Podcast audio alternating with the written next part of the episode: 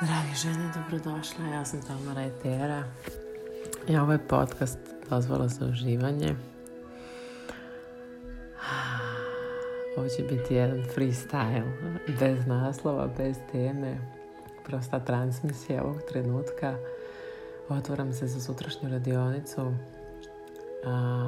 kako da privučeš pravu ljubav.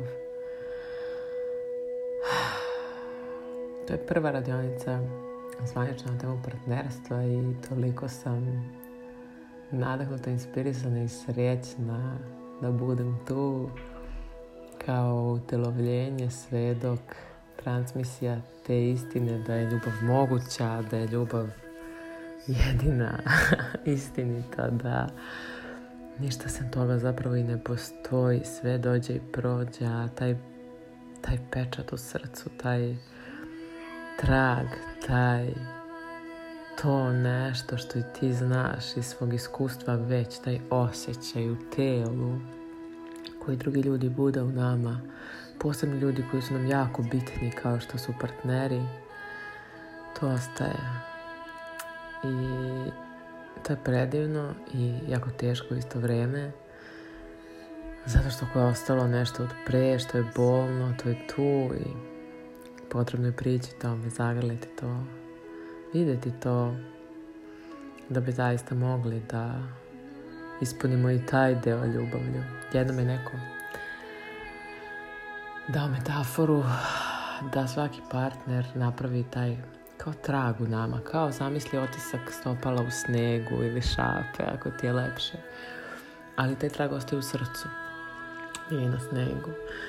I dubina traga je na neki način simbolika jačine tog odnosa.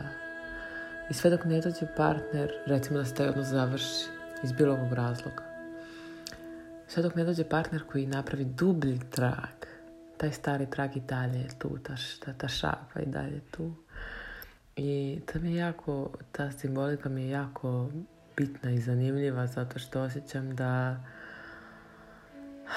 Postoji onaj trenutak u životu kada smo recimo same i osoba koju smo najviše volili koja je ostavila najveći trag da si možda i najviše povredila.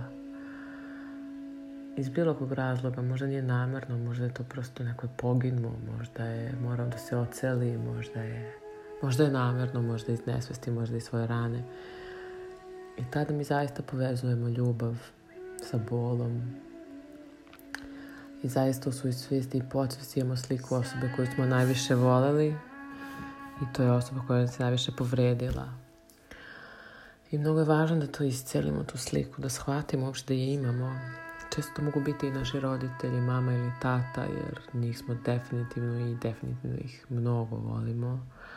A često se desi da iz svog prosto nesavršenstva ili ljudskosti su nas povredili i to jako duboko i još tad zapravo dođe taj zapis da je ljubav povreda i da to tako ide.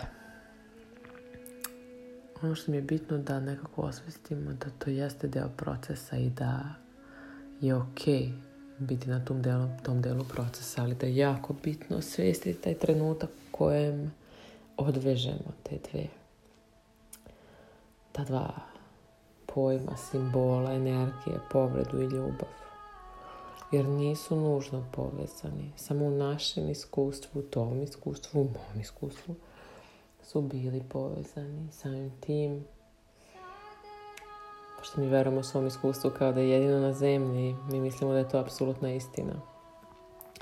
Jako bitno da to naše iskustvo, ako je postojalo slomljenog srca, da ja iskreno nisam srela osobu sa kojom sam pričala, koja je ikad doživjela ljubav, a da nije doživjela trenutak slomljenog srca da to iskustvo nekako da mu damo prostora da prodiše. I sutra na radionici koja će možda biti dostupna i kao snimak da se kupovinu ako ovo slušaš kasnije u ovom trenutku više ne može da se prijevi s radionicu tako da je ovo bukvalno samo bitna priča o tome šta je, šta je zapravo taj, taj deo u otvaranju za ljubav je osvješćivanje i oprost univerzumu,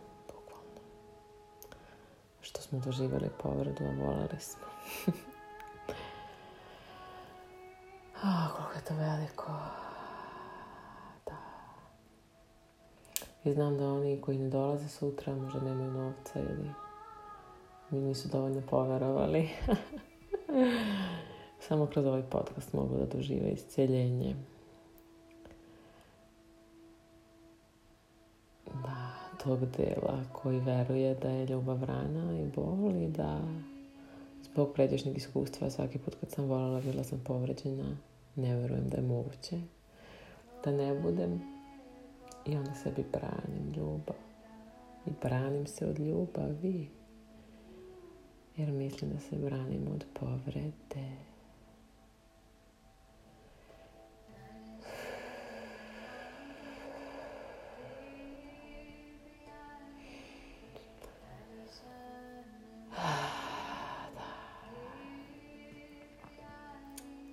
vas puno i ako možeš, ostani pet minuta za sobom u tišini. Samo da vidiš šta ti ove reči rade.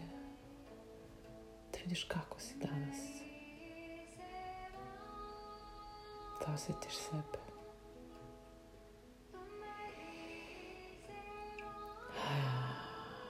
Da, imaš pet طعمتي دعوة صورة تفكبت منها لو انتي وجبها